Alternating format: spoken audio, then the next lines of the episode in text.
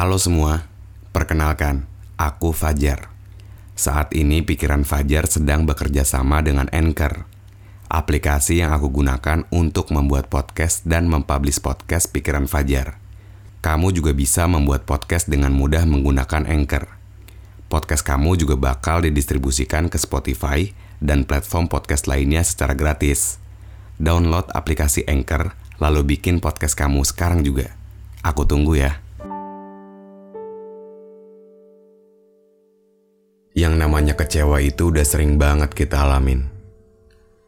Tapi sejujurnya, selalu ada yang berdoa dan merjuangin. Maaf ya, ngasihnya cuman segini. Kalimat yang sederhana, tapi kita nggak tahu apa yang udah dia usahain. Aku tahu, harapan orang selalu pengen dapatnya yang besar. Tapi kita juga harus bisa belajar sabar. Karena kadang jalan orang gak sesuai dengan nalar. Sekarang kita nikmati yang ada. Jangan lupa untuk terus berdoa agar orang yang sedang berusaha bisa ngebahagiain kita semua. Terima kasih sudah mau terus melompat.